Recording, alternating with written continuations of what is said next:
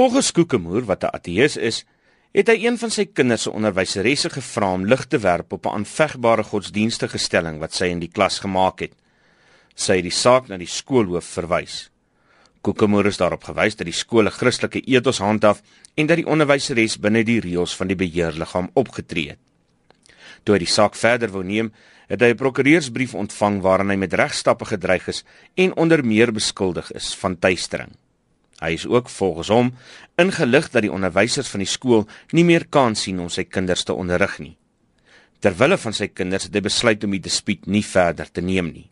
Maar hy is ongelukkig dat sy kinders aan slegs een geloofsraamwerk blootgestel word. Die erkenning van mense se regte en hulle plek en dit waarin hulle wil glo en wat hulle van hulle self wil dink en hoe hulle hulle self aan die wêreld wil voorstel, dat 'n mens het nie noodwendig die vryheid wat jy wil hê nie en veral wanneer dit kom by godsdiens vind ek dat as jy jou kind by die skool aflaai dan gaan jou kind um, verchristelik skole maak wel voorsiening daarvoor dat kinders van ander gelowe hulle self van Christelike seremonies mag verskoon sê Kokemoer maar dit is 'n onhaalbare reëling ek het nou twee kinders en ek kan sien dat die een sal dit doen en die ander een sal dit nooit doen nie dit sal die my een kind sal net konformeer en wil net inval ehm um, daar daar kan nie regtig 'n stelsel wees nie. Ons praat van enkelinge op hierdie skole. Hulle self anders sal uitgee as of waar die ouers dit gereël het dat hierdie kinders op 'n ander plek moet gaan sit.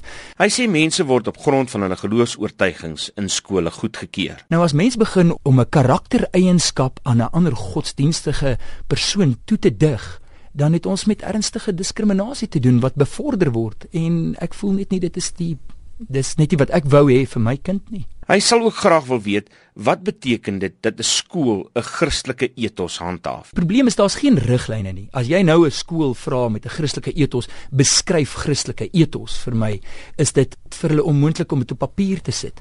Dis hierdie ongeskrewe geheime dokument wat net nie bestaan nie. Beteken dit groot doop, klein doop beteken dit daar is 'n hel, daar is nie 'n duiwel nie. Daar is ons weet almal hoe kompleks is die godsdienstgesprekke net in binne die eie kerke om nou skielik te kom maak asof die Christendom uit een mond uitpraat is absoluut absurd. Oor hoekom hy as ateïs sy kinders in 'n skool met Christelike waardes plaas, voer Kokemoer aan dat dit sy reg as landsburger is. Wel die feit van die saak is is ek betaal in my land en my land is 'n land van godsdienstvryheid betaal ek belastinggeld. Eh, my belastinggeld kan nie aangewend word vir Christelike bevordering en sendingwerk nie. My belastinggeld moet aangewend word om my kind skool te gee. Hy sê hy het al talle alternatiewe opsies ondersoek. Daar is nie werklik opsies nie. Die opsies is jy moet na 'n privaat skool toe gaan, ehm um, wat jou in hierdie saak sal ondersteun. Ek weet daar's ehm um, Daar's 'n skool in Johannesburg stad, the School of Practical Philosophy, um, wat 'n skool is wat deur 'n 'n groep mense bestuur word wat ongelooflik is waar hulle werklik hierdie tipe godsdienstbeleid wat voorgestel is uitleef en waar verskeie mense kom openinge behartig en waar men, waar kinders wys word en um, waar verdraagsaamheid groei. Kokemoer sê skole behoort eerder te soek na werkbare oplossings om diversiteit te akkommodeer eerder as om verdeeldheid in die hand te werk. Daar moet gesoek word na common ground in die goeie dan in alle godsdienste dan moet ruimte wees vir vir mense wat anders dink dat hulle kinders ook deel het aan hierdie saal en hierdie saalopening. Ons het een van die smarter skoolbeleide en ehm, wat daar is ons land skoolbeleid waar daar werklik ruimte is vir kinders om in buitekurrikulêre tyd godsdienst te beoefen. Dit beteken godsdienst is nie verban van ons skole af nie. Sy droom is 'n skool vir sy kinders waar onderrig eers te kom sonder die bagasie van godsdienstige oortuigings. Die ideale skoolomgewing is 'n skool wat kinders leer. En in hierdie land kan eh, vir die opbou van hierdie land dink ek is onderwys en die opleiding van ons kinders kardinaal. En ek dink as kurrikulumtyd, klastyd, skooltyd spandeer word om kinders te leer. Wiskunde is wiskunde. Dis nie Christelike wiskunde nie.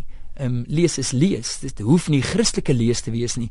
CSV's kan by inkom in pauses, daar kan kampe gereël word, maar dit hoef nie in klastyd te gebeur nie. En 'n kind hoef nie te voel hy is vals verkeerd die boef in die verhaal omdat hy anders is nie. Dit was Adi Kokemoer en ek is Isak Du Plessis in Johannesburg.